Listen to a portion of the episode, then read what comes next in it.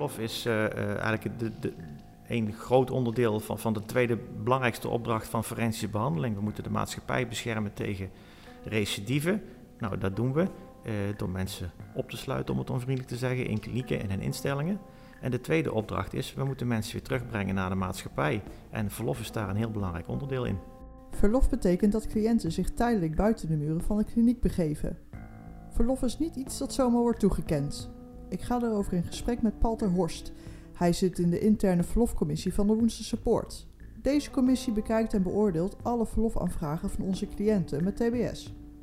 Ook praat ik met Lienke. Zij kwam in 2018 in behandeling met een ISD-maatregel. Dit is voor mensen die herhaaldelijk hetzelfde delict plegen. In haar geval ging het om diefstallen. Ze had een gezin, een eigen huis en onderneming, maar door een samenloop van verschillende omstandigheden kreeg ze grote financiële problemen. Ze belandde korte tijd op straat. De combinatie van haar delictgedrag, een verslaving en een posttraumatische stressstoornis maakte dat ze in de Woensel Support terecht kwam.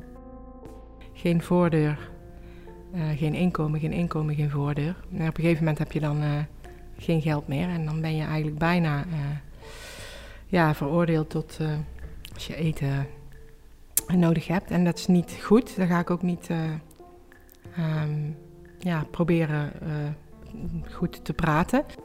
In deze podcastserie van de Woensel Support nemen mijn collega's en ik je mee in deze wereld. Wie zijn onze cliënten en kunnen zij veilig terugkeren naar de maatschappij? Ik ben Doortje en dit is Veroordeeld tot Zorg. Aflevering 5. Terugkeer naar de samenleving.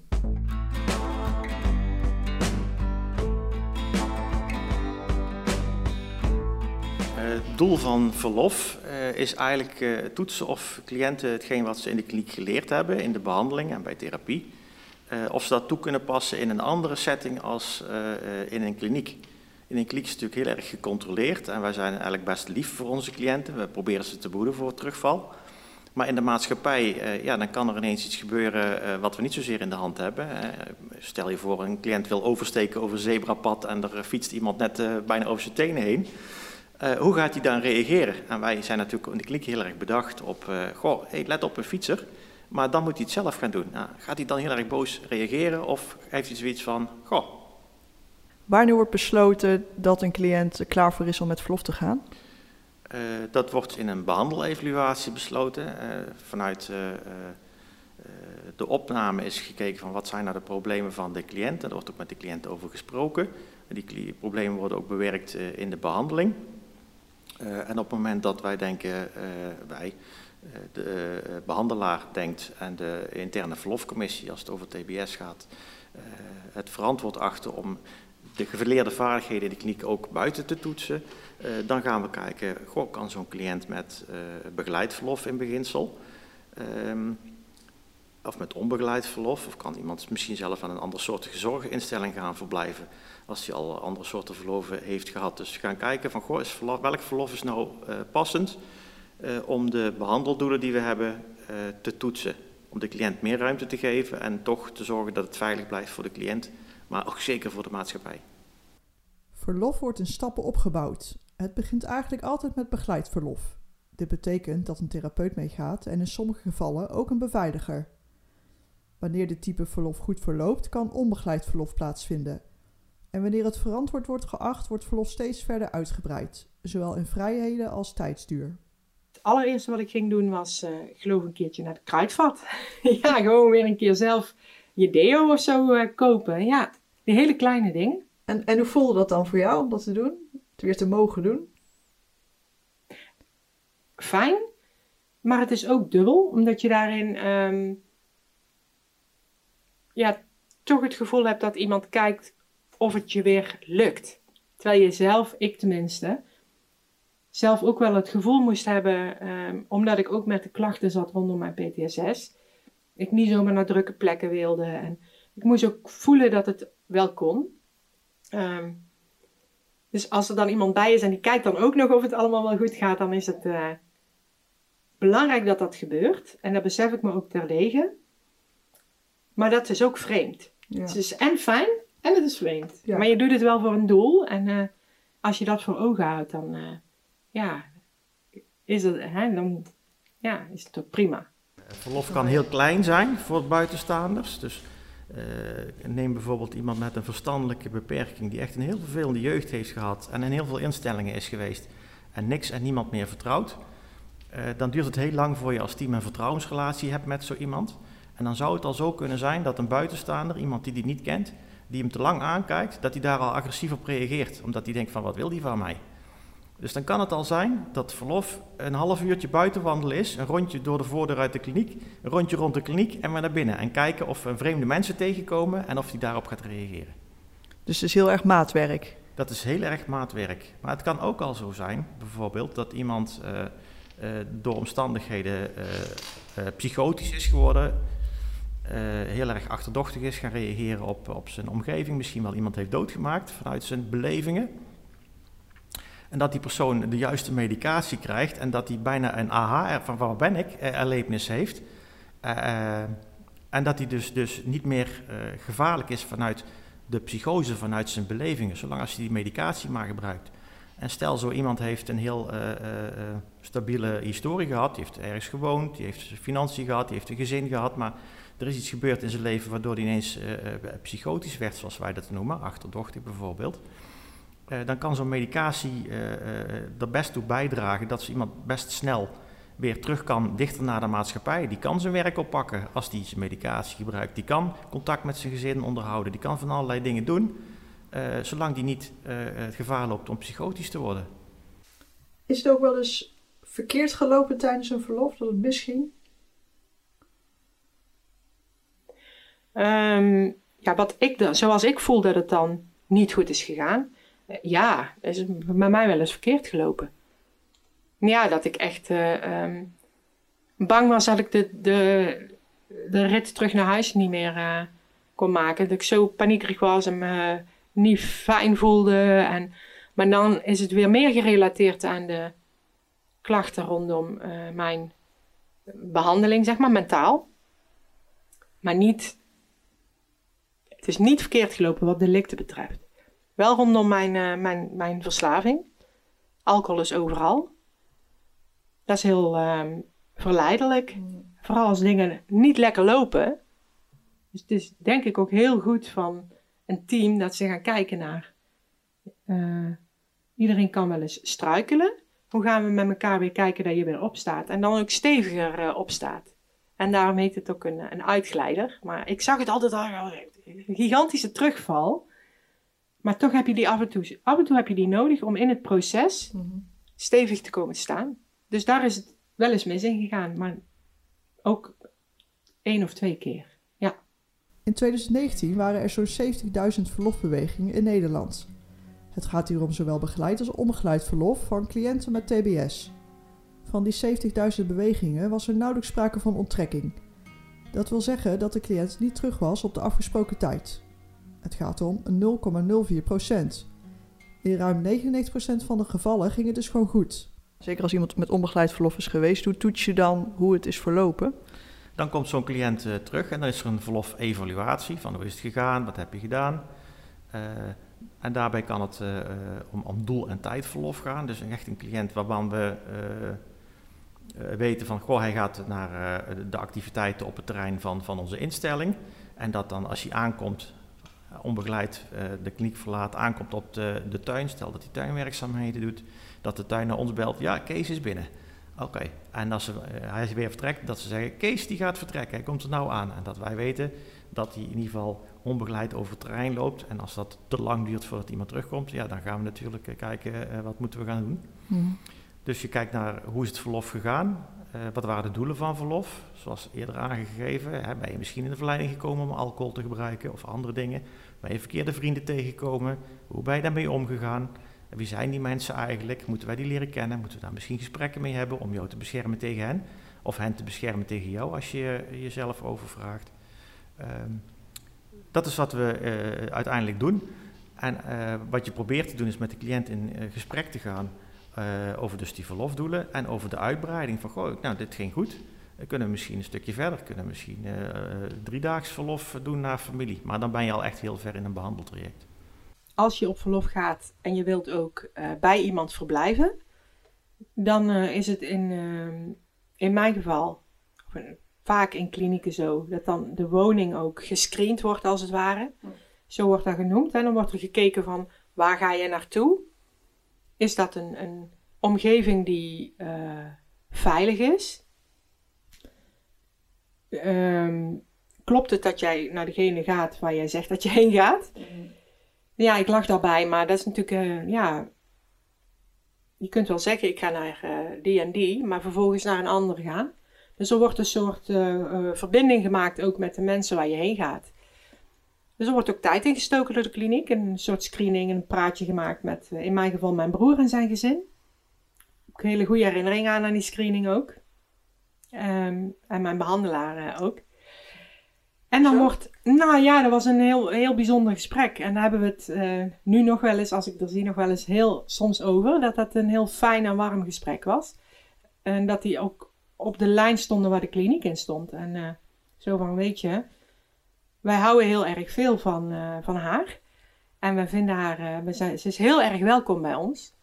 Maar we houden niet van haar gedrag als ze drinkt.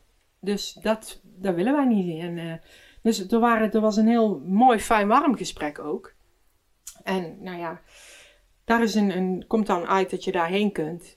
En dan krijg je um, een opbouw in verlof ook weer. Dus dan ga je daar eerst uh, een dag heen. En als dat dan uh, goed gaat, dan blijf je lekker een nacht slapen of een weekend. Maar ik kan me dus ook voorstellen dat het niet helemaal risicovrij is op het moment dat cliënten met verlof gaan. Klopt dat? Nee, dat is helemaal correct. En soms gaat het ook uh, fout. Dus, uh, en fouten horen bij het leven. Uh, sommige mensen nemen bijvoorbeeld een cliënt die een agressief delict heeft gepleegd onder invloed van alcohol. Dan is al een van de behandeldoelen zijn van oké, we gaan op verlof. En dat is natuurlijk begeleid in beginsel. Nou, dan gaat iemand kleine kans krijgen om, om alcohol eh, buiten te vergaren. Maar stel zo iemand krijgt uiteindelijk onbegeleid verlof, ja, en die komt oude vrienden tegen bijvoorbeeld, hey, drink toch een biertje en doe niet zo flauw. En dan kan die best in de verleiding komen om dat een keer te doen. En de vraag is dan van, goh, gaat hij zo ver dat het uiteindelijk ook uh, risicoverhogend is? Of blijft het bij één biertje onder sociale druk van zijn vrienden?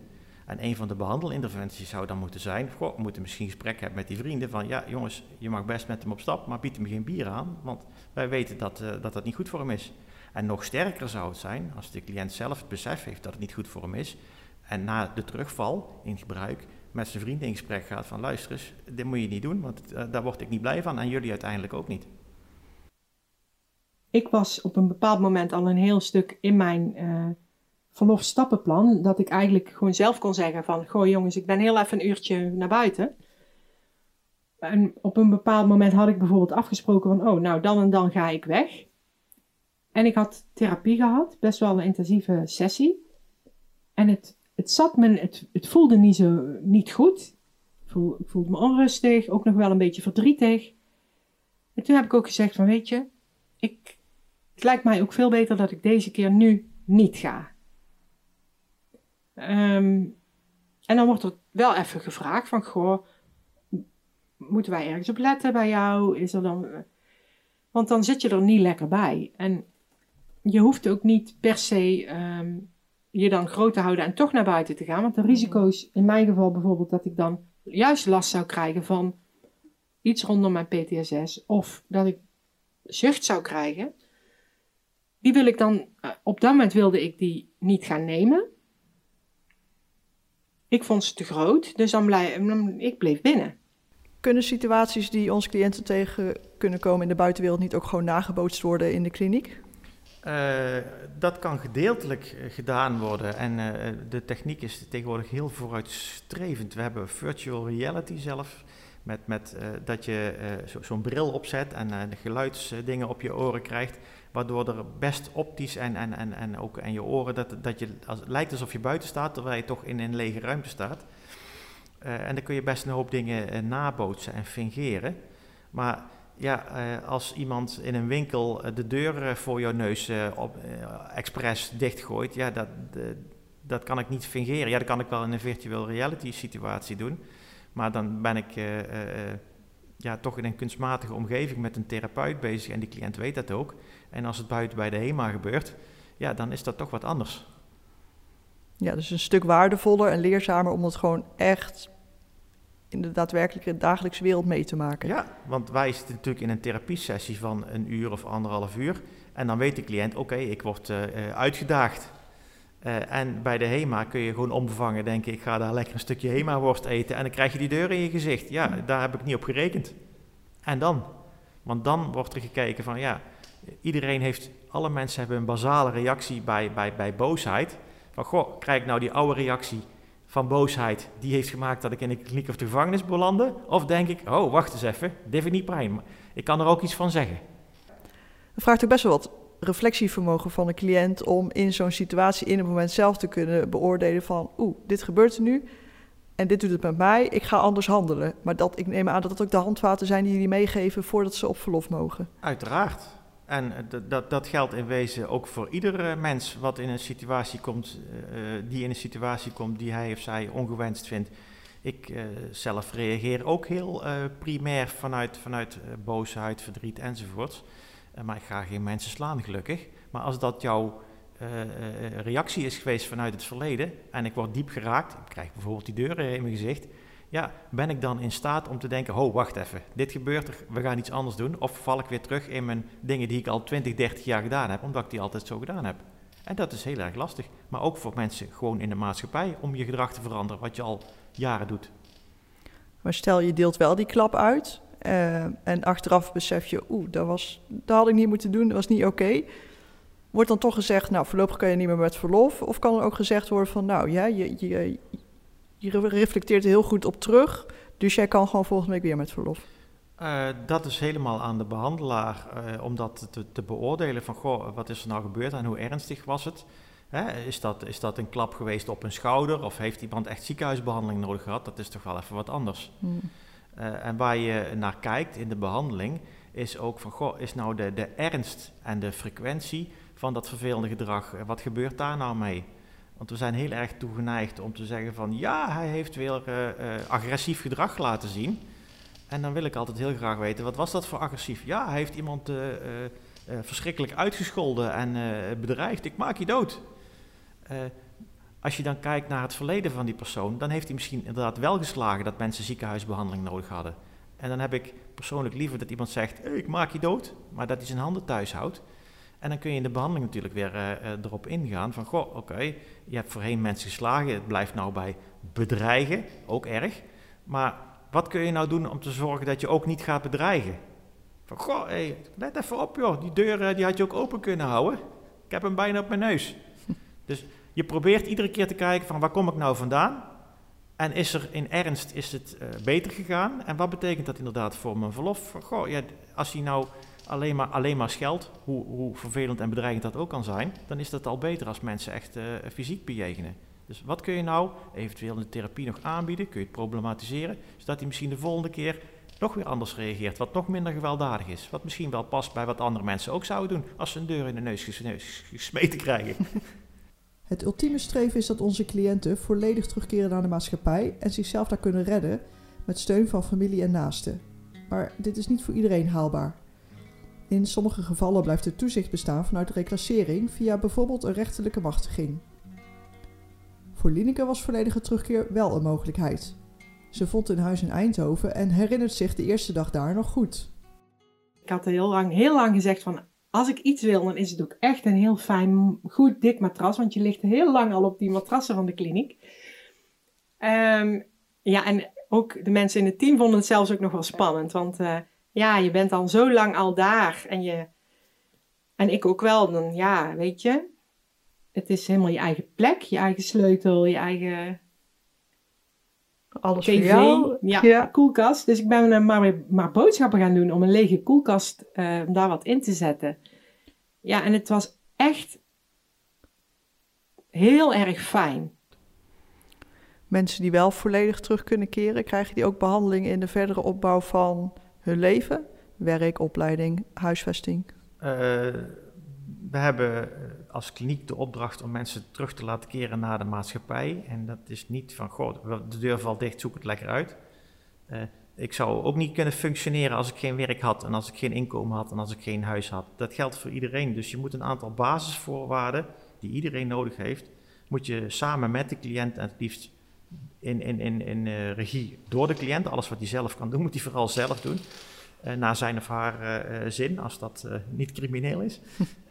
dus je moet kijken naar huisvesting. Wat is passend? Wat kun je nou betalen? Hoe ver heb je nog schulden? Is er schuldsanering nodig? Misschien bewindvoering. Dus hoe kun jij je financieel staande houden? Kunnen we daar mensen voor jou bij betrekken? Die niet direct bij onze kliniek horen. Dat kan ook buiten geregeld worden. en mensen zijn niet altijd klaar met behandeling. Maar forensische behandeling kan wel een keer ophouden. Dus het kan best zijn dat iemand nog steeds psychotische klachten heeft. Maar zolang als je niet gevaarlijk is, kan dat ook in de reguliere psychiatrie afgedaan worden. Er zijn heel veel Nederlanders die uh, contacten hebben met de reguliere psychiatrie. Ja, die hebben uh, niks gevaarlijks te doen. Dus waarom zou het forensisch zijn? Dus klaar met behandelen, dat is een, een, rekbaar begrip. Ik heb laatst ook een feestje gehad bij mijn broer. En dat is zo ontzettend fijn. Ja, dat, iedereen weet daar. Ja, Lineke die heeft in onze support gezeten. En nu is, gaat het gesprek eigenlijk anders. Want nu, nu wordt er echt gekeken van wauw, weet je. Maar ik kwam, ja.